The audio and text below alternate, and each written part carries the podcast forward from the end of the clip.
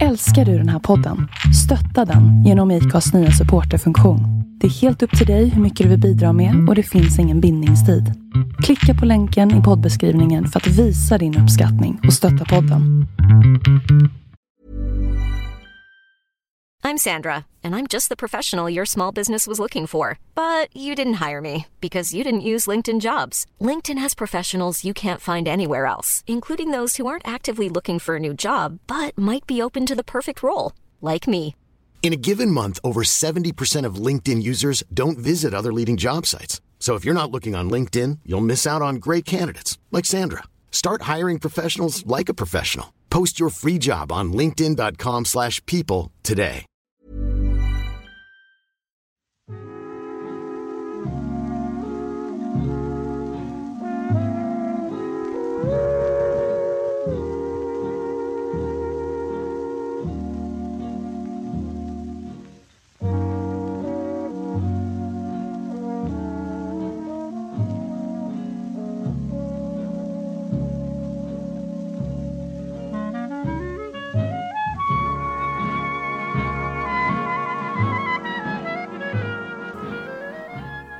Jag hörde en aktiv och nästan lite högljudd åsikt häromdagen. En av mina många afghanvänner sa att om han hade makten hemma i Afghanistan så skulle han döda 500 människor. Han började så. Jaha, sa jag. Och min son Karl och alla andra runt bordet. För att eh, det är så korrumperat och det är så hemskt och det är så, ja, det är verkligen. Så beskrivningen av Afghanistan var inte helt inkorrekt. Det var nästan på pricken. Ja, men man kan ju inte. Jo, då är den borta. Ja, ja, vad hände sen då? Ja, steg två hade han inte kommit till riktigt, men, men eh, då skulle det bli demokrati. Mm. Ja, Det är lite så de... Därför är det som det är i Afghanistan också. För att man tänker bara steg ett. ja steg 0,5 snarare. Ja. Eh, ja. Men det är ju därför också man... Jag menar så... Har hamnat, hamnade mitt emellan ryssarna och amerikanerna så på 70-talet. Och, för att man, man tänker bara så här... Oj, nu får vi det här. Inte vad det resulterar i när det inte fungerar. Jo, jag pratade med en afghansk pappa. En pappa till en av mina elever. Och eh, då... Dålig svenska och sådär, men han fick lite hjälp av sina döttrar till att tolka. Då frågade jag bara lite vänligt, eller lite trevande, hur det var i Afghanistan när han själv växte upp och sådär. Och på 80-talet, då var det bra. Jaha, tänkte jag, det var ju Sovjetunionen där. Då var det bra. Då var Ryssland där. Jaha. Då var det demokrati. Och det där ordet demokrati, det betyder frihet och, och i största allmänhet vad jag förstår. Eh, motsatsen till vad de har just nu och så vidare. Det var ju inte demokrati för fem öre med våra mått mätt, men då var det ordning på torpet. Och ordningen, hårda bud alltså.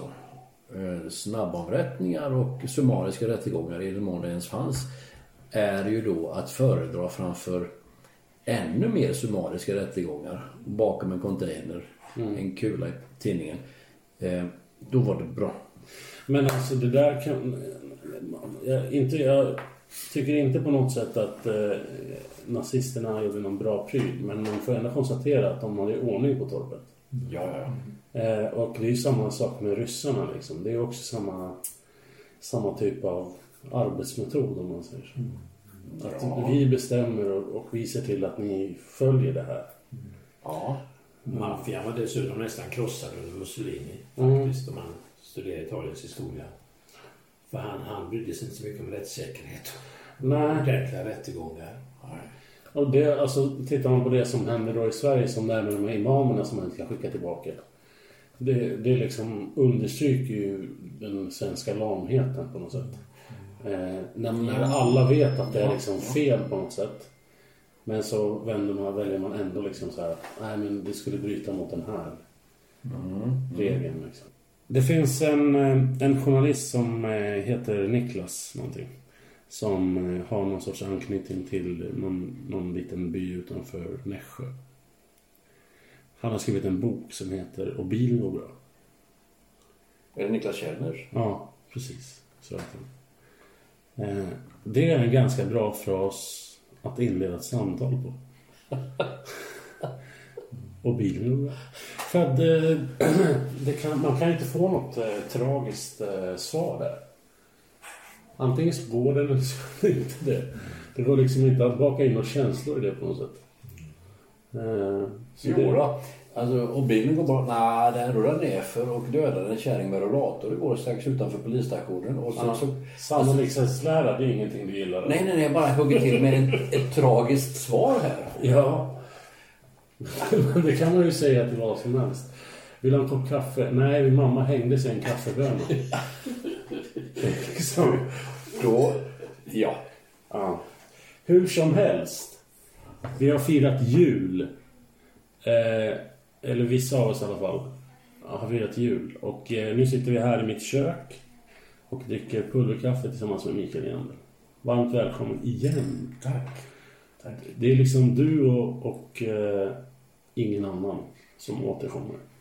Okej. Jag vet inte om det beror på dig eller om det beror på andra. Det är ingen annan som vill komma tillbaka. Men vi är så glada att du är här. Vi tycker om dig jättemycket. Och så försöker vi få dig att flytta hit också, men det går trögt alltså. Det går nog trögt. Ja. Hur är läget? Jo, jag ska inte klaga som man brukar säga. Det är faktiskt rätt så bra. Jag är mycket tacksam för att jag har lagat upp mina tänder det senaste året. Och bilen går bra. Och bilen går jättebra. Eh, faktiskt. Nej, men jag är mycket tacksam för det här med tänderna. Att jag fått laga upp dem hos fantastisk tandläkare. Det, det gläds jag verkligen över. Det kanske låter patetiskt men det, om man inte skött tänderna på många år så känns det jättebra. Och annars så jobbar jag på. Jag jobbar mest. Sen gör jag inte så mycket annat. Men det känns bra. Det gör det. Och sen vilar jag. Jag är ju inte, jag är till åren kommen också så att det Är du gammal? det är skönt att vila ibland, vila mellan varven. Men jag tycker att det är, det är rätt så bra med mig. Sen kan man ha mycket funderingar vad som händer i Sverige och så vidare. Det är en annan sak. Men eh, det tycker jag. Ja, jag är 37 och tycker om att vila också. Jag vill bara säga det att det behöver inte vara någon åldersfixering kring det. Men eh, tandläkare, jag har ju en evig skräck för tandläkare alltså. Jag skulle börja fixa tänder men alltså jag är livrädd för dem. Jag vet inte. Jag är så stolt över mig själv att jag inte har liksom överfört det här på mina barn för de älskar att gå dit. Eh, och tycker det är något eh, kul liksom. Men nej. Vad är din relation till tandläkare?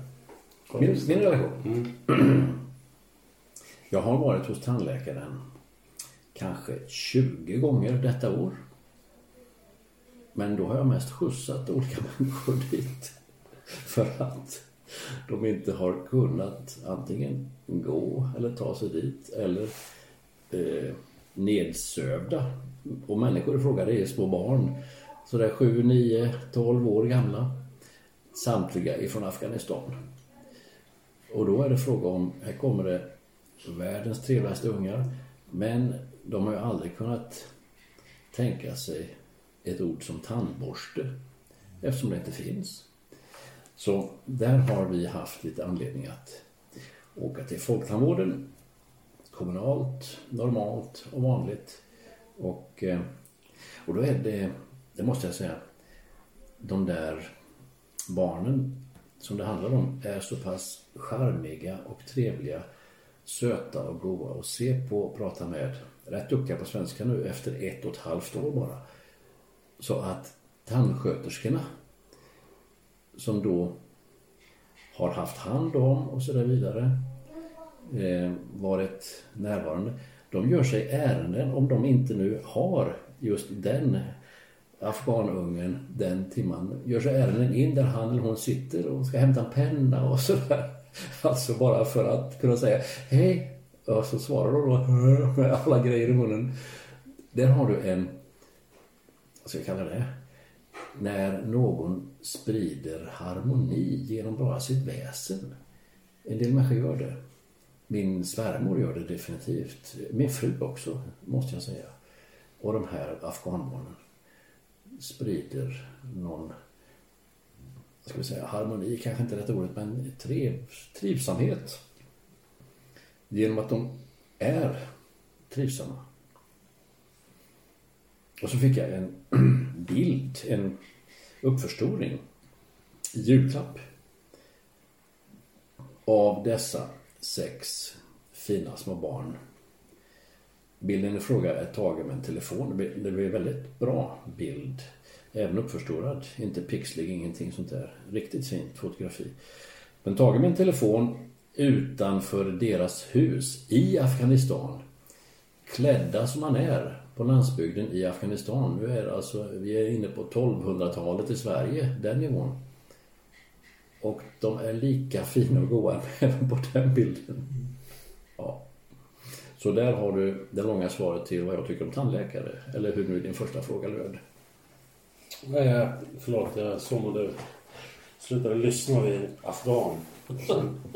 Det var säkert jättegulligt. Nej, de är jättesnälla de barnen. Jag har inget ont att säga om dem under en inspelning. Ehm, du fick ju en annan fin julklapp också. Ska vi prata om den? Jag fick en tavla av Tony. Och så fick eh, en jättefin tavla för övrigt. Exemplar d'artist. Alltså de tio första trycken i en litografiserie. Då är det bara EA står det längst till vänster. Då är det konstnärens egna exemplar. Det är det första trycket. De har någon form av lite högre värde eh, i den världen. Men så fick jag en annan sak som gladde mig fantastiskt. Nämligen en liten eh, burk pepparkaksköttbullar. Du sitter hemma i köket hos en som är rätt duktig på att laga mat. Och det låter ju inte klokt med pepparkaksköttbullar. Hur bra som helst. Snodda, och, och runt omkring så var det snott en eh, baconskiva. Ja. Ska du förklara eh, innehållet eller är det hemligt? Nej, det är inte hemligt på något sätt. Ehm, det här är ju en tradition som vi har haft i, ja, ända sedan barnen föddes liksom. Att istället för att använda ströbröd till ehm, smeten, köttbullesmeten så använder vi pepparkakor, alltså mixar ner pepparkakor. Eh, det blir lite, lite sötare sådär utan att man behöver använda något speciellt socker. Liksom. Ehm, och sen i år då så gjorde vi en ny variant. En lite större köttbulle med, en, eh, med bacon runt. Ehm, och det här bygger vidare på min... Jag gjorde en tisdagslunch på kyrkan och gjorde falukorv så då kunde ingen av de här romerna som är muslimer då, kunde inte äta det. Och då var jag lite inspirerad att göra någon sorts ej musvänlig köttbulle. Ja, okej. Jag förstår. Jag förstår. För men det var väldigt bra. Det var ingen i familjen som tyckte om den, det var bara jag som tyckte om den. Den var jättegod. Men, eh, ja. Så, Det är intressant för jag var faktiskt på en stor matvarubutik i Varberg och eh, tittade på lösgodiset där och den var alltså utmärkt då. Där var det det att det är okej för muslimer att äta det och det och det lösgodiset. Det tyckte jag var intressant. Vilket det tydligen är då kan det vara fett eller vad det ja, men det är gelatin. Gelatin just det, för gris. Ehm, och det, men det är ju alltså bara i lösgodis. Så, så är det gelatin. När man tagit bort det, när man, alltså man får inte ha gelatin i vanliga sådana färdiga påsar. Okej. Så jag, jag vet inte vad det är ersatt med men, men det där är någon sån här EU, spännande EU-lagstiftning som eh, att man inte ska behöva känna som någon, någon otrygghet i det liksom. Nej. Men det är ju spännande att de börjar märka ut det. Ja, men så jag tycker det är lite knasigt för att man kan vända ut in på sig själv för att vara artig eller hjälpsam eller vad man ska kalla det.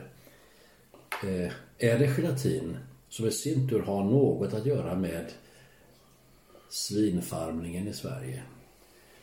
Ja, då är det det. Ät inte då. Köp inte det här. Men alltså det finns ju någon underlig inställning som de har så att om de inte vet om det, då är det okej liksom. Ja, ja. Ja. Ehm, och det, det är ju bara att spela dubbla, jag visste inte. Om man nu så jättegärna vill äta lösgodis. ja. Ehm, så Men det är klart att det är en stor marknad och money talks, affärsmän anpassar alltid till kund, kundmarknaden. Så är det. Mm. Det, är, det är kanske riktigt också utifrån Och- ett, det perspektivet.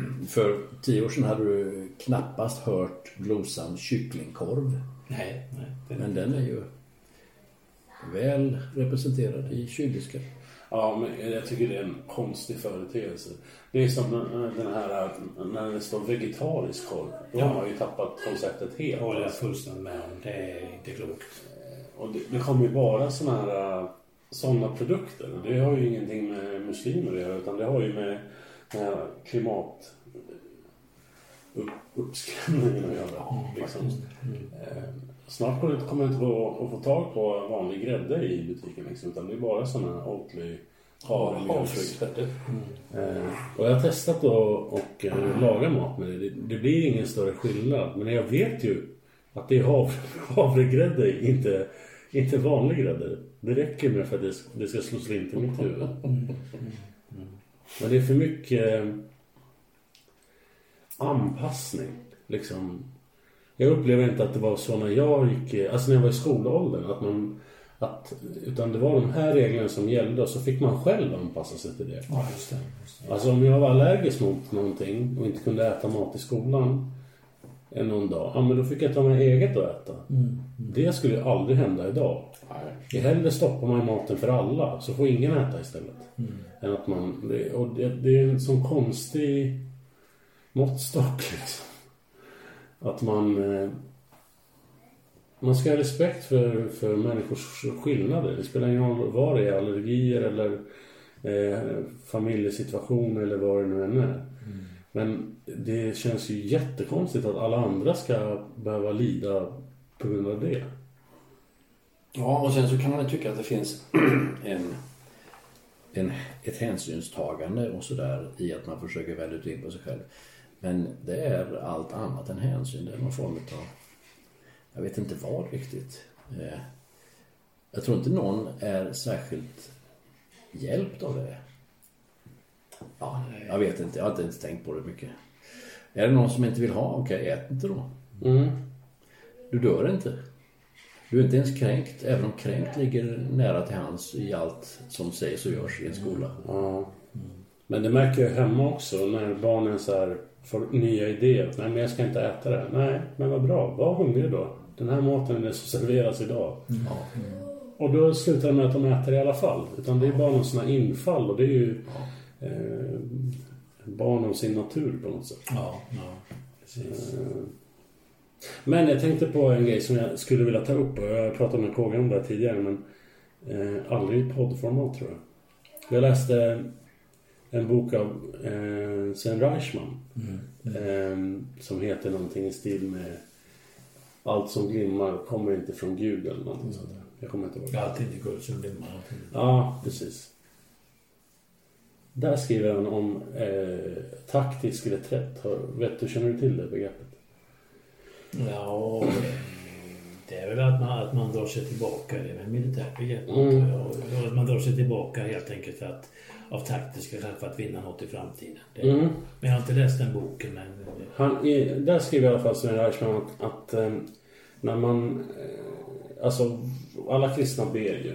Och man ber ju ofta om saker och ibland så får man ju fantastiska bönesvar. Och så, eh, då är det ju lätt att man sänker garden liksom. Gud vad skönt att det här löste sig och tack Jesus för det. Ehm, och då menar Sven Reichman att det behöver inte vara någonting som är välsignat av Jesus bara för att du får bönesvar. Utan det kan vara en taktisk reträtt från, från Satan eller från djävulen för att du ska sänka garden. Eh, liksom, eh, precis som du förklarade alldeles nyss. Alltså, att man gör någonting taktiskt, drar sig tillbaka taktiskt för att kunna slå tillbaka starkare. Eh, och den där tanken har börjat snurra jättemycket i mitt huvud. KG, vad, vad säger du om det begreppet? Liksom Ja, en alltså- andlig taktisk reträtt.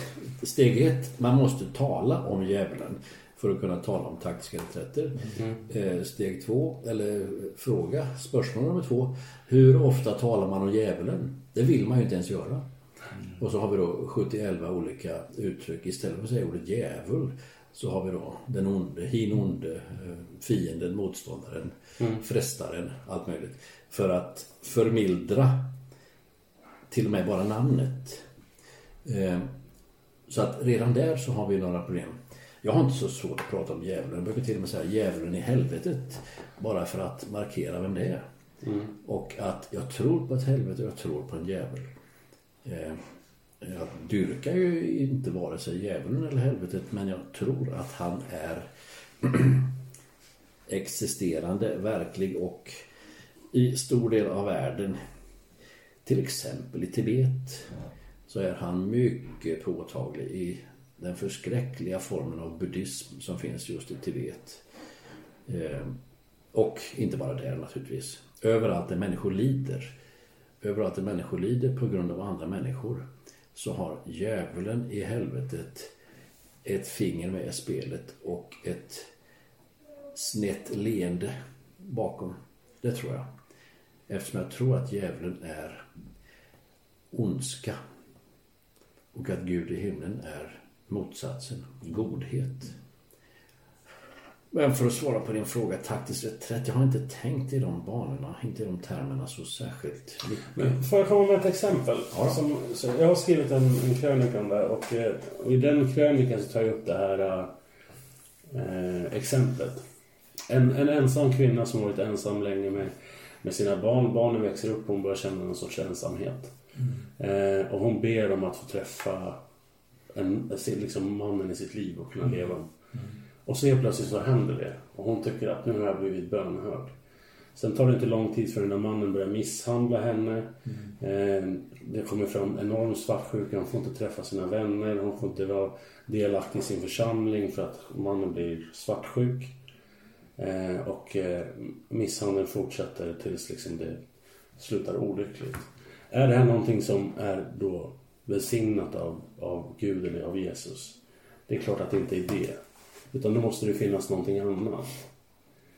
Eh, och, och mitt resonemang bygger på att, att eh, när den här kvinnan träffar den här mannen då sänker hon ju alla sina försvarsmekanismer. För att hon får ju det som hon har bett om. Hon gör ingen kritisk granskning av den här mannen eller om det finns några tecken på utan hon släpper ju bara in den här mannen i sitt liv, i sitt hem och sen börjar liksom helvetet på riktigt. Och det där menar jag är en taktisk reträtt från, från Satan, från djävulen. Hon sänker den andliga garden. Mm. Den saken är klar. Ja, jag vet inte. Jag har aldrig tänkt i de här banorna men jag, spontant så... Nu ska man ju inte rusa in i äktenskap naturligtvis. Man ska ju inte rusa in i någonting. Jag har ju många gånger, jag, när jag ska handla saker nu som är mer än mat då, då tänker jag alltid igenom ett par veckor innan jag köper det för annars blir det bara dumma köp har jag lagt märke till. Då köper man något man inte behöver ha eller som är onödigt och ja, typ så, kasta pengar i sjön. För jag har varit alldeles för spontan och varit ännu mer med viktiga beslut i livet. Jobb, utbildning, bostadsort, eh, äktenskap. Så får man ju tänka efter alltid. Och framförallt inte tro att bara jag får det och det så blir jag lycklig. För det är ju en lögn som vi många gånger inbillar oss att bara jag har det eller bara jag har det så kommer jag att allt bli bra. Och det är inte sant. Va? Det, det, så, är, så är det ju inte. Sen att be om en partner är ju ingenting felaktigt. Gud har ju skapat oss sådana att leva i tvåsamhet så det är ju inget felaktigt. Men jag vet inte om man kan säga att det är djävulen som drar sig tillbaka. Eh, Problem, det kanske är som är problemet är väl att hon, att hon är så omogen som går in i någonting alldeles för snabbt utan att lära känna mannen. Tänker jag i så fall. I, i, I det fallet. Jag, jag vet inte, jag hade tänkt i de banorna att, att Satan skulle kunna dra sig tillbaka. Samtidigt får man väl som ett Guds barn tro att, att Gud ger ett visst beskydd. Men det är klart att också om vi är olydiga och gör det som är felaktigt så, så ställer vi oss utanför det beskyddet. Så är det naturligtvis. En kristen som sätter sig i bilen när man har druckit mycket alkohol eh, ökar ju risken påtagligt för en olycka. Det har ju inte med, med tron att göra utan det har att göra med att man beter sig dumt, felaktigt och olagligt. Naturligtvis. Så, så jag vet inte om det är djävulen direkt som, som, som får ett inflytande där men, men Gud har gett oss ett förstånd så tänker jag, att, att alltid tänka igenom och klart rusa in i ett äktenskap allt för snabbt, det är inte bra. Det, det är ju inte bra va. Men du, förståndet, naturligtvis inte. Det, förståndet är ju inte i första rummet när man är kär eller har Nej. mött någon eller Nej. och så vidare. Och, men då kommer vi till vad var det Björn Borg som sa så liksom Eh, Man kan tänka med underlivet. Ja. Nu är det lite vulgärt, va, men då, då är det att man rusar in i en relation eh, för att man vill ha en partner, inte bara för att få sex utan för att man vill ha en partner att leva med. Och så tänker man inte på något sätt rationellt och det är ju felaktigt. Ja, man, jag har inget problem med människor som gifter sig med någon från en annan kultur eller annat folk. Men klart gifter du med en människa från ett annat land då måste du tänka igenom, jag kommer ha släkt där borta kanske mor eller farföräldrar som vill träffa sina barnbarn. Då får man tänka ett steg längre. Så tänker jag. Det, det, det, det, det bör man ju göra. Men jag tror vi missar poängen lite grann här för att Alltså, jag tänker en kvinna som då känner en enorm ensamhet. Hennes barn har inte tid med henne längre. De har blivit så pass vuxna så att de, de har sitt eget liv. Hon blir liksom ensamsittande och ber och bönar om att få träffa någon. Och sen händer det. Då kan, jag kan ha förståelse för en sån kvinna eller man som kritiskt slutar granska den hon träffar. För att det passar in ganska bra i den formen som hon är i. Liksom. Eh, och eh, om den här mannen då som hon träffar är ett riktigt arsel. Så, så känns det ju som att det är inte någonting som som Jesus skulle liksom eh, bönhöra. Eller vad säger man? Ja, men är inte, är inte detta inte lite på en sak, in på en sak, tänker jag, att, att man skyller för mycket på Gud då? Därför att om, vi ska ju be, gå bedjande fram och vi ber om Guds ledning. Men samtidigt så har vi ju som vuxna människor och myndiga människor ett personligt ansvar både inför samhället och eh, arbetsgivare och allt vad det nu handlar om och inför, inför Gud naturligtvis. Så Gud kan ju öppna så att jag blir kär och vederbörande blir kär i mig eller vad det nu är men det kanske ändå inte är rätt. Eh, faktiskt. Det, det kanske är, är Ja, det kanske inte är rätt att gå in i det. Att man då tänker ett varv till. Och jag vet inte om man kan säga att Satan drar sig tillbaka. Man upplever att man får ett bönesvar. Men jag har ju ändå ett personligt ansvar för hur jag hanterar saker och ting. Jag kan ju få... Det kan se ut att öppna som ett nytt jobb och det kanske är helt åt skogen. Kanske vantrivs jättemycket med det jobbet efter en tid. Eh, och, och så vidare. Så att jag vill nog ändå säga att man har ett personligt ansvar. Man kan inte skylla allt på att man upplever att Gud har svarat på bön. Ja, men om vi vänder på det då. Du får någonting som eh, eh, du har längtat efter som är jättebra. Säg ett nytt jobb eller en ny bil eller du vinner pengar eller vad, vad det kan vara. Eh, är, är det ditt eget ansvar då också eller ska du tacka Gud för det? Ja, det står ju tacka Gud i livets alla omständigheter, vilket är jättesvårt att göra. Det är lätt att säga, men svårt att göra. Eh, Men det är klart, och Paulus säger jag vet att finna mig i fattigdom, jag vet att finna mig i rikedom. Eh, Det är klart att de... Ja, ja, alltså skulle jag vinna mycket pengar? Jag tänkte ibland, jag vet inte om jag skulle vilja göra det. Det är klart det vore gott att kunna hjälpa sina barn och sätta undan sina barnbarn på det sättet. Men då tror jag också då har du ett ansvar hur du förvaltar det. Eh, Och och det här med förvaltarskap, det är ju en viktig tanke i, i, för alla människor i vandringen med Gud, hur jag ska hantera det. Så, så eh, Alltså problemet är när vi tror, problemet blir ju hela tiden när vi tror att bara jag får det så blir jag lycklig. För, och det här låter väldigt andligt och man ska vara väldigt försiktig med att röra sig i sådana termer för det blir lätt högmodigt. Men det är klart det, det är faktiskt så att Jesus har inte lovat oss att få, få allting vi ber om. Men om vi ber så har han lovat oss en frid som går ut över denna, alltså som är över denna världen. Det har han lovat oss. Att vi ska få frid. Inte att vi ska få konkreta bönesvar på allting. Det kan man komma in på en sån sak som fysiskt helande. Jag är övertygad om att Gud helar människor från sjukdomar och handikapp. Men han helar inte de flesta. Därför att helandet hör i de flesta fall till evigheten. Där kommer våra kroppar vara friska och dessutom nya kroppar. Eh, Det innebär inte att jag inte kan be för en sjuk. Men i många karismatiska sammanhang är väldigt fixering vid helandet som är osund tycker jag. Och du kan också såra människor. Och jag har sett människor bli väldigt sårade av det här helande förkunnelsen. Och sen dessutom kan man säga så här Så det jag vet, eh, nu kommer jag inte ihåg vad han heter, han som var pingst, pastor i Pingstkyrkan i Smyrna. Jag läste en bok om honom i Göteborg. Thomas Sjödin? Jack Tommy Ardenfors. Jack Ja, Tom, Jack Tom. Han skriver väldigt bra en bok om helande. Att det var en man som gick fram på ett helandemöte och hade fått ena tummen eller fingret avkört på jobbet. Och där de bad därför att fötter skulle, ben skulle växa ut och bli längre, vilket ju påstås hända mycket i sådana helandemöten. Och han ville ju ha ett nytt finger, en ny tumme och då vågade de inte be för, ingen vågar be för det. Och då skrev Jack så att i min, min värld kan Gud fixa ett finger precis som kan låta ben växa ut. Eh, och han liksom tar upp det här osunda helande förkunnelsen och helande fixeringen. Eh, det innebär inte att jag inte tror att Gud svarar på bön, men, men där har du återigen en sak. Vissa, varför drabbas vissa människor av lidande, av handikapp, av sjukdomar? Fattigdom.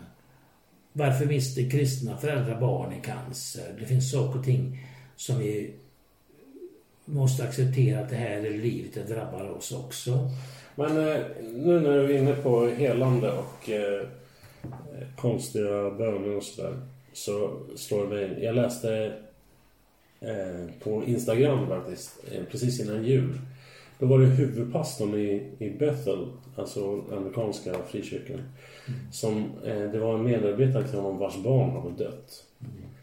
Och då gick han ut eh, i en, i en livesändning inför flera miljoner tittare och sa så här att ja, Jesus kunde hela, det kan vi också. Och så hade han ett långt, långt resonemang kring hur man nu skulle be så att det här barnet kom tillbaka. Är alltså det Och då, då, då liksom, eh, då har man ju missat hela poängen. ja, alltså. absolut. Och när en kristen ledare som har flera miljoner följare tutar i folk det där. Alltså det river ju upp sådana sår hos folk som har förlorat sina barn eller sina föräldrar eller vad det än är. Liksom, att tuta i dem att, att man kan göra så. Ja, för Gud är allt möjligt. Ja. Gud kan sända hela mänskligheten in i evigheten på en sekund om han vill och han har rätt att göra det. Och han kan bota varenda cancersjuk på jorden på ett ögonblick om han vill det. Naturligtvis för han har all makt ytterst. Satan får verka lite ännu en tid på jorden men Gud har ytterst all makt, så är det ju. Men det är precis som du säger Tony, att det där blir en väldigt felfixering av vad evangelium handlar om. För evangelium handlar om evigheten och ett evigt liv som vi får genom Jesus Kristus genom tro på honom. Det är vad det handlar om. Va? Och det, blir, det är väldigt allvarligt att föra ut sådana budskap för det blir, skulle jag säga, ett inomvärldsligt, egentligen kötsligt budskap. Att, att, att frälsningen, evangeliet, handlar om att alltid få det bra och alltid ha det gott i denna tiden. Vilket vi inte är utlovade. Och det där är en förförelse skulle jag säga. Och märk väl, jag tror det är andra Thessalonikerbrevets första kapitel. Jag tror det är där. Det, det, där det talas om att i den sista tiden människor inte ska ha kärlek till sanning hjärtan. Utan låta sig bedragas som under och tecken. Och då som straff för att de inte har kärleken i sina hjärtan utan låter sig bedras under och tecken så kommer Gud lägga på dem ännu mera villfarelse. Observera att Gud lägger på dem mera villfarelse. Och Det finns ju även andra biblar som visar att Gud kan lägga förbannelse på människor när de inte vill vandra i ljuset, inte göra det som är rätt, så de vandrar ännu mer i mörkret. Det bibelordet är väldigt intressant och då hör man nästan aldrig predikas som i svenska kyrkor. Vad är detta? För mig är det en osund karismatisk väckelse som är fixerad vid under och tecken och inte vid Jesus. Det handlar om. Alltså den här killen. Där. Det skojar jag inte om. Eh, det är intressant. Jag brukar prata med KG om eh, psalm 119 tror jag. När han pratar om att slänga spädbarn in i bergsväggar och sånt där. Det har man inte heller så ofta predikas om. Eh, och det är ganska märkligt att det finns passager i, i Bibeln som eh, det skriftlärda inte vill prata om. Ja, men inte konstigt alls. Den tjocka boken innehåller Guds ord, är Guds ord. Eh, alltså redan där har jag ju bitit i väldigt mycket när jag säger att det är Guds ord. Och därmed så är det på ett visst sätt sant och allt det där. Men sen finns det ju då svårigheter som jag inte beger mig på. Möjligen för att jag själv är ofullständig, ofullkomlig, ofull överhuvudtaget. Eh, till exempel sådana ord. Nu råkar ju den där psalmen och den var den längsta i hela Bibeln. längsta kapitlet. 176 verser. En åtta verser per hebreisk bokstav för en sån här bokstavssalm. 22 bokstäver i hebreiska alfabetet. 176. Eh, my- mycket svårt att smälta. Men i den salmen, i vers 105, om man vill säga så står det Ditt ord är mina fötters lykta och ett ljus på min stig. Det pratar vi om ofta. Det pratar vi gärna och sjunger psalmer om sånger och det ena med det femte. Och det är inte så konstigt. Och lykta är ju inte precis en LED-lampa, inte en strålkastare, inte en... Det är en rovoljelampa som kastar sitt sken en meter fram. Mm. Det pratade ju vi om på julafton, på julbönen faktiskt. Om att, eh, eh, att så var Marias tro. Ja. Att hon såg ett steg i taget men inte se längre. Liksom. Och jag tror att allas tro skulle må bra av att liksom, att vara i nuet. Mm. Eh, Oh, ja. Att eh, här och nu liksom. Det är alldeles för många som har eh, sån teleskop eh, liksom. Ehm, Men alltså, nu är vi långt ifrån amerikanska megakyrkor som jag inom parentes inte ger fem öre för. Nej. Alltså jag har svårt för eh, kyrkor som har 12 000 sittplatser och sådär eftersom det är opersonligt och det blir en apparat som då får ett egenvärde. Men man måste tänka, jag tänker på en evangelist jag sett på Youtube här. Han är alltså född utan armar och ben. En amerikansk evangelist. Mm. Och han är ute och predikar och det är fantastiskt att se denna gravt eh, handikappade människa får man väl säga. Gift, barn. Eh, men det är fantastiskt att se honom predika och den glädje han utstrålar. Han har säkert sina mörka stunder tror jag, men den glädje, den, ja, vad han utstrålar med, med eller trots, eller hur man nu ska uttrycka sitt handikapp. Och det är klart, det är ju en, en bagatell, det är ingenting för Gud att ge honom armar och ben. Men det fantastiska är ju att Gud använder honom, tror jag, väldigt starkt. Kanske bland annat för att han är handikappad och folk reagerar på det. mm. Och ser ändå den glädje och den frid han kan, kan förmedla. Och det innebär inte att, ja, men han längtar säkert efter en dag i evigheten då han kan springa på en äng i himlen. Det gör han garanterat. Och krama sin fru och krama sina barn. Men, men det är liksom inte själva poängen. Mm. Sen vill jag säga att jag är absolut inte emot, emot under och tecken och mirakel. Bara det inte blir en fixering vid det Mm. som är felaktig. Jag eh, är ju någonstans mitt emellan er när det gäller det där. Att jag, jag gillar inte de här megakyrkorna heller, men däremot så gillar jag predikanterna. För att jag tycker att de förklarar eh, evangelierna på ett sånt sätt som gör det enkelt för mig som inte är uppvuxen i det att förstå. De gör enkla paralleller och, och sen så är det många av de här som är yngre eh, som är yngre än mig till och med och eh, eh, på något sätt har lärt sig att prata ett språk som, som vi inte skulle höra i, i en svensk kyrka som tilltalar mig. Men sen det här liksom, det är ju som att gå på en konsert liksom. Det är strålkastare och det är eh, housemusik liksom. Och, eh, så man kan ju förstå att det för svenska kristna så, så sticker det i ögonen.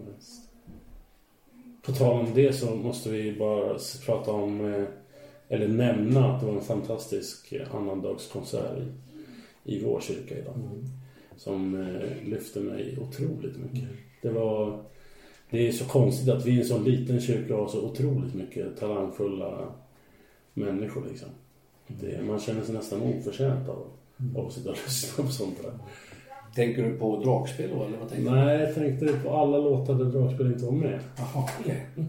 Eh, Carl Gustaf försöker att framhäva sin egen eh, insats. Men eh, de hade stängt av mikrofonen från hans dragspel som jag inte märkte. Men däremot var det konstigt att du inte var med och sjöng. Nej, det känns jättebra. och bara vara med på ett hörn. Men jag håller med dig, det är nivå och eh, nu var det ju utav, kan det vara, 20 människor som var igång idag. I komp, kör, stråkkvartett, allt det där va. Två utav dem hade inte Tranås anknytning. Och nu blir jag ju sådär Tranåspatriotisk som jag helst inte ska vara men det är verkligen så. Och så är det ju fråga om Musikhögskolan Malmö, i Stockholm, allt sånt där.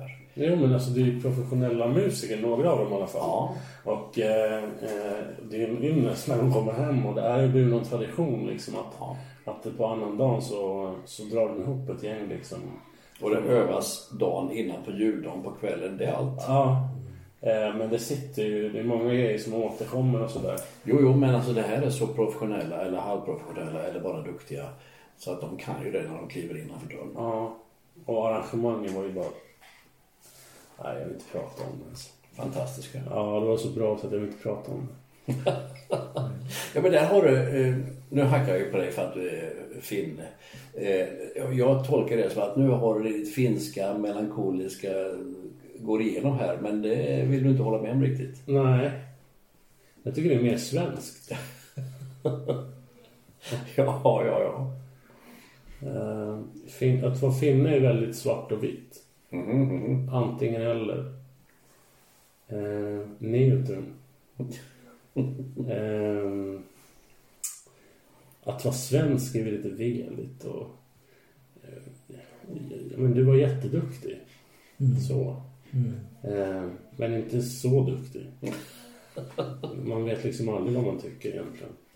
Och så tycker man olika bland olika människor. Det är ju det mest klassiskt svenska som finns. Mhm. Att, eh, att eh, du var jätteduktig och så vänder man ryggen. Han är ett arsle den där. Det, det, det är så väldigt, och det existerar i, i, den, i den kyrkliga världen också. Fast man gör det mycket, mycket mer subtilt liksom. Mm. Kan tänkas. Kan tänkas. Det är, det är rätt roligt när man ser det. Liksom. Allra helst om man inte är inblandad själv. Så är det fantastiskt att se hur ombytliga människor Jo, men alltså man kan vara duktig på att spela piano eller cello, altfiol, bas. Man kan vara duktig på sånt där som hörs och syns och man vet vad som ligger bakom. Eh, Jag ställde för någon timme sedan bara en fråga till Mikael här, min vän Mikael Jändel som ju har en konstig vid sidan av kunskap som ibland är bottenlös. Vi pratade om en bil, en dyr Mercedes som tillhörde ledaren för ockupationen i Norge under andra världskriget. En nazistledare således. Och bilen råkar jag veta och jag vet hur den ser ut. Det är en jättedyr Mercedes. Den står på ett bilmuseum i Arvika. Den bara hamnade där när tyskarna var tvungna att sticka med svansen mellan benen. Och Quisling hängdes och allt det där. Bilen var kvar och den är fortfarande kvar. Värd mycket pengar. Men då så, den tillhörde då ledaren för ockupationen. Vad var det han hette? Och du vet Mikael det. Hur många går omkring och vet en sån sak? Det är ungefär som att spela cello väldigt bra. Så är det verkligen. Han är inte för steg. Eh, Du menar att, att det är en sidokunskap som är bottenlös att kunna spela cello? Eh, nej, jag försökte säga var här med mitt eh, analogiska resonemang att eh, man kan vara duktig på basket eller cello eller vid sidan av historisk kunskap. Det är ungefär lika bra. Ja, jag håller med. Ja. Alla såna här lite, inte egna ska jag säga, men, men eh, eh, savantliknande tendenser är fantastiska. Ja. När man är fruktansvärt duktig på någonting. Ja. Eh, Jag har själv aldrig upplevt det. Att jag är så här, jag är lite halvbra på ganska mycket. Men inte så där att jag står ut på något sätt. På ett bra, alltså att jag står ut på ett bra sätt. Står ut på ett dåliga sätt, där är jag. Eh, mm. Jag tänker på det du drog upp här förut om den här kvinnan då som var där med en man och taktisk reträtt. Jag tror ju väldigt mycket, jag har tänkt på det senaste tiden, handlar om vad som finns i ditt hjärta. Vad som är hjärtat. Alltså du kan ju växa upp i och vara en del av ett religiöst sammanhang.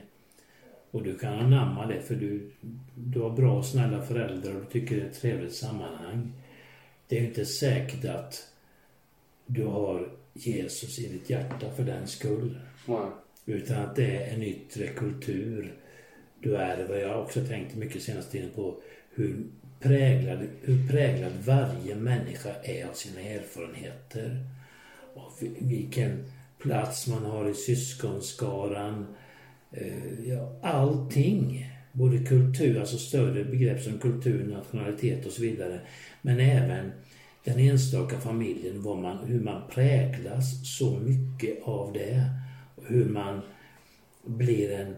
Eh, alltså det, det, det, ens kristna tro är ju i ett sammanhang, vi säger att vi tror på Bibeln och vi vill följa Bibeln och den är av evig karaktär. Tror vi, även om den är 2000 år gammal, eh, minst. Men eh, vi är, ändå vi, vi är ändå barn av vår tid på något sätt.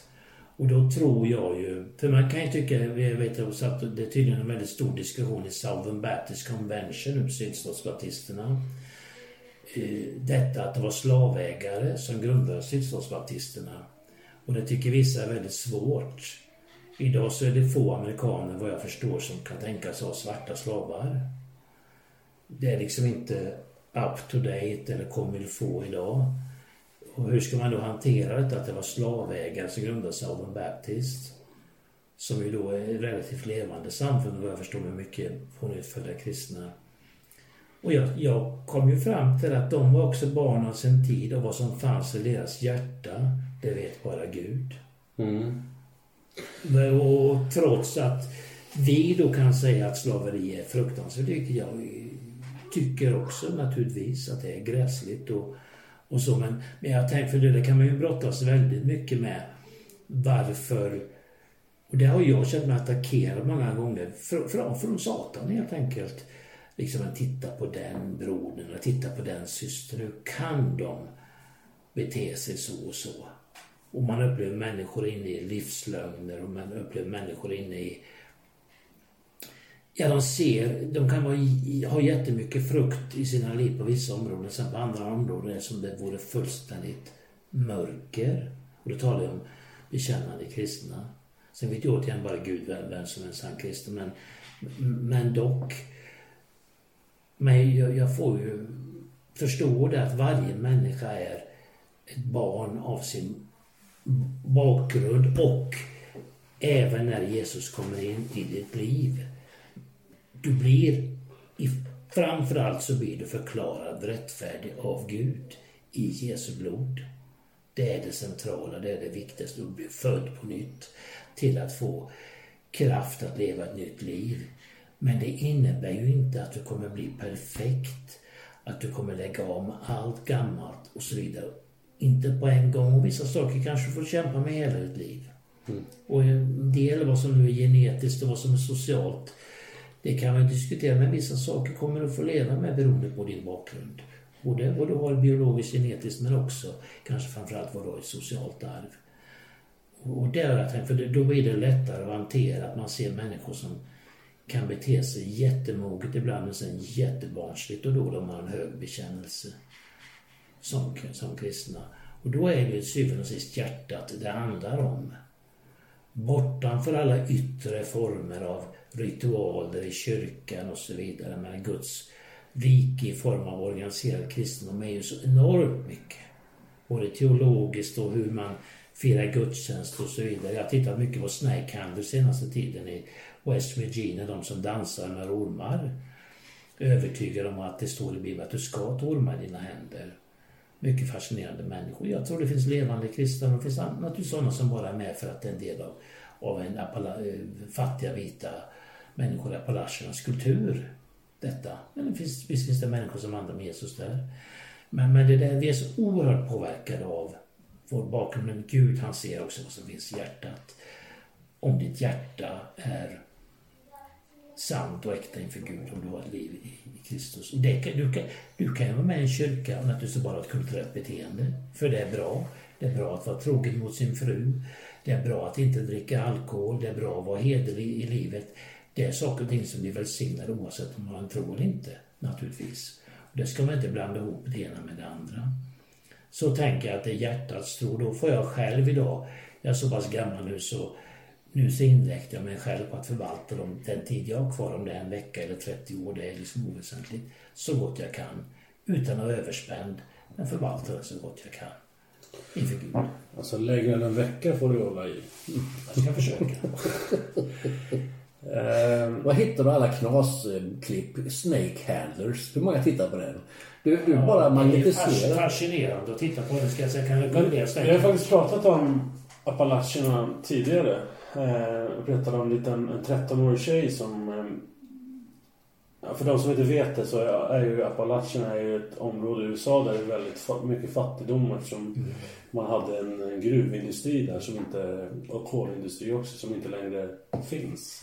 Så eh, resultatet blev en, en massutvandring därifrån men också väldigt många som är kvar där. Och då fanns, finns det ett, eh, ett Facebook-program som heter någonting. Vi pratade om det i alla fall.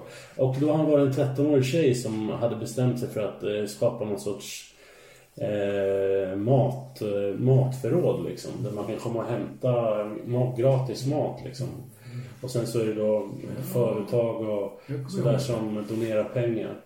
Och eh, det, det här tv-programmet uppmuntrar så här do-gooders. Eh, och de byggde upp en utomhusgrill och sådär så att de kunde stå och laga färdig mat till de här människorna och sådär.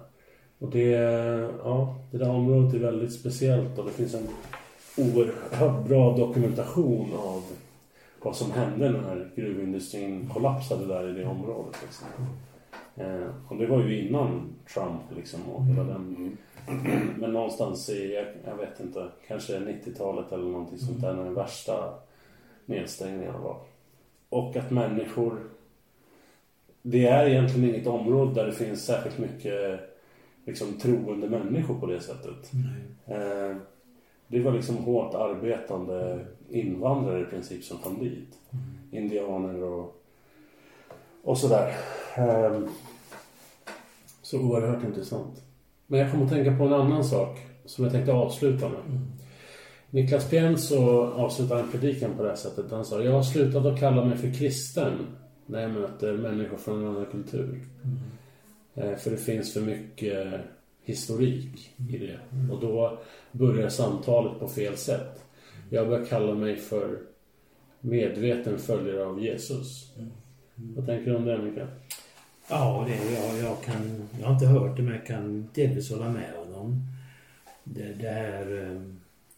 Jag, jag kommer ihåg när jag satt en gång nere i Diyarbakir i sydöstra Turkiet, i den kurdiska staden där och i den stora moskén och samtalade med en imam om den kristna muslimska världen. Och det är klart, den kristna världen eh, förstår jag ju av många muslimer när den ses som det är pornografi, det är narkotika, alkohol och så vidare och så vidare. Och det är ju inte vad, vad kristendom är. Så vi, jag förstår den tanken.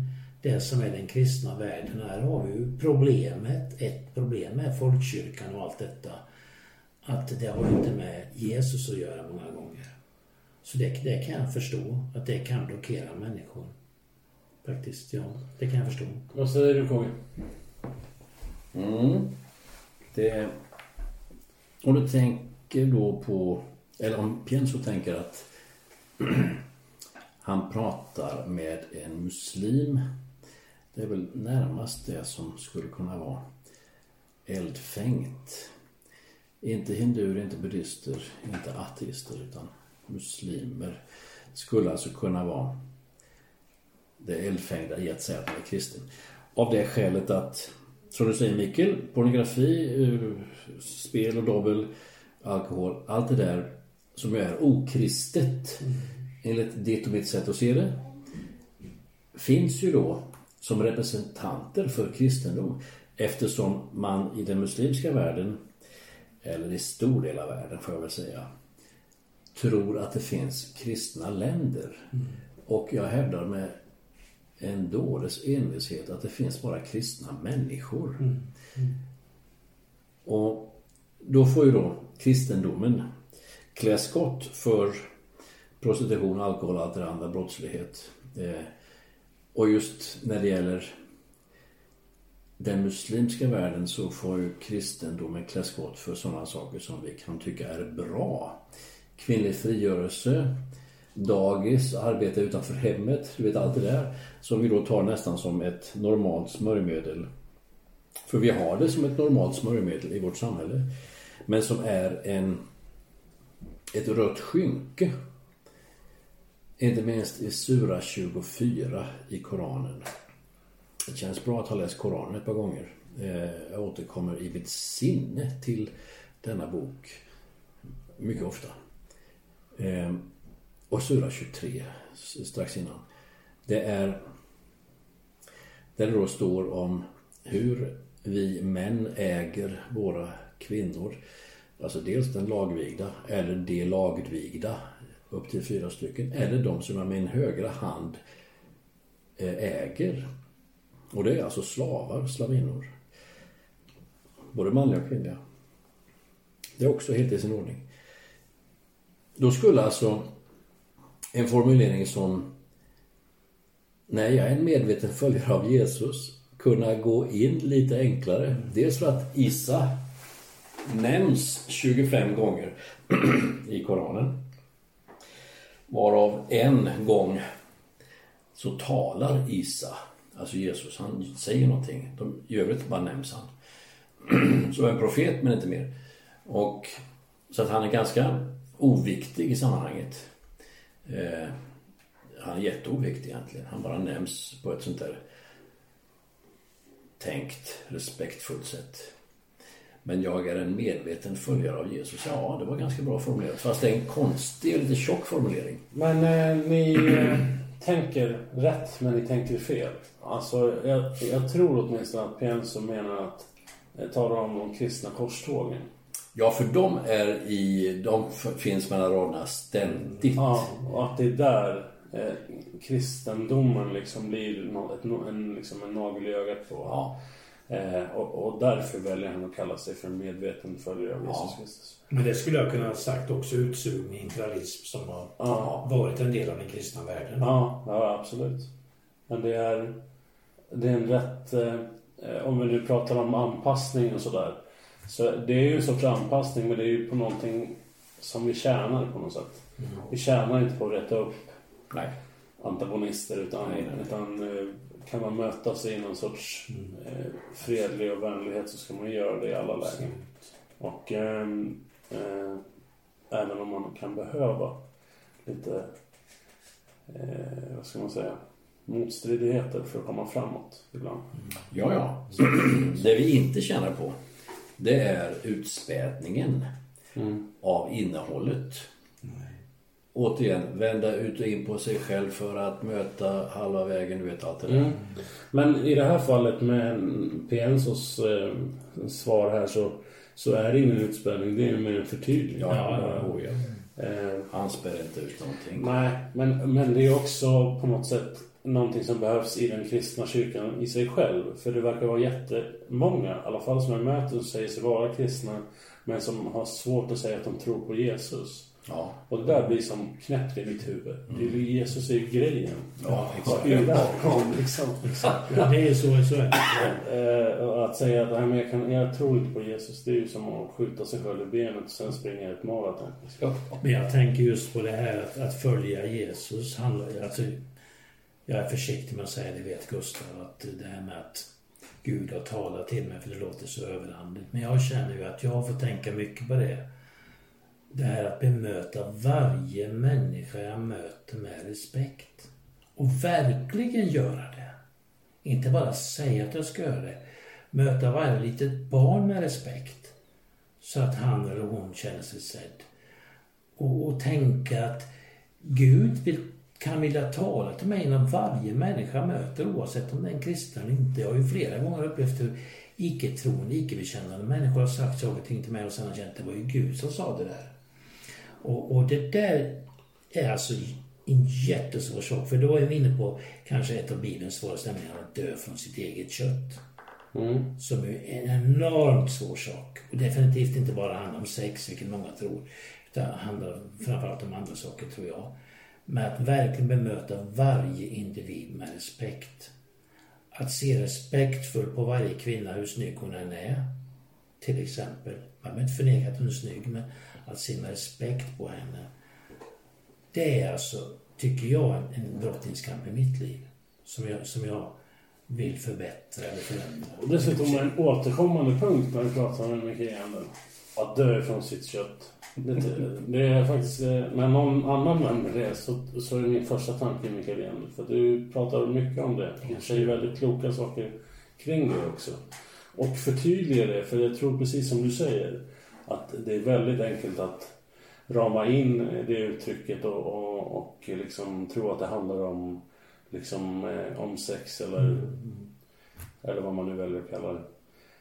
Eh, vem vill avsluta med något klokt? Är det någon som har något klokt på tungan? Nej men KV har inget klokt. Man bara svamlar i. Du vet, vi har gjort en podd, vi har på nu i ganska precis ett år och gjort podderier. Och på sistone så har man börjat dra in poesi i det här. Jag, jag, jag, är, inte, jag är inte med på det här. Men, men då kan man bara säga så, det låter ju fromt. Men, men man får vara from ibland och det är också en erfarenhet jag gör. Och det är väl det faktiskt att ju äldre jag blir, för nu är jag ju 60 plus, så betyder tron på Jesus mer och mer och att ta tid i meditation och bön och med Bibeln, det betyder mer och mer. Och det kanske låter väldigt fromt och så. Jag, många långa tider har jag absolut inte läst Bibeln som jag önskat att göra, ta tid med Gud. Men det är ju det, det, är ju egentligen bara det. Sen exakt hur det går till och så, det får ju varje människa finna sin väg.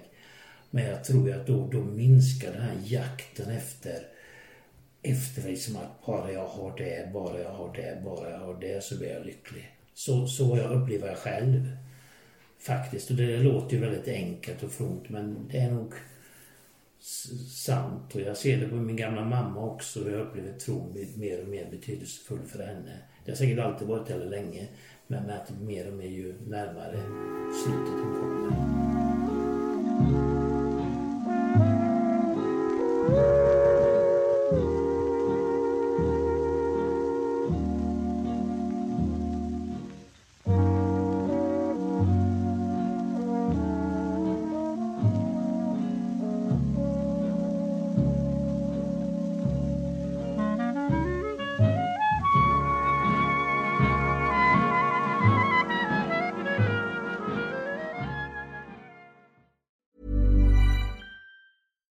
Flexibility is great. That's why there's yoga. Flexibility for your insurance coverage is great too. That's why there's United Healthcare Insurance Plans.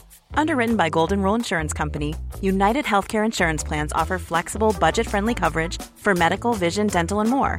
One of these plans may be right for you if you're, say, between jobs, coming off your parents' plan, turning a side hustle into a full hustle, or even missed open enrollment. Want more flexibility? Find out more about United Healthcare Insurance Plans at uh1.com.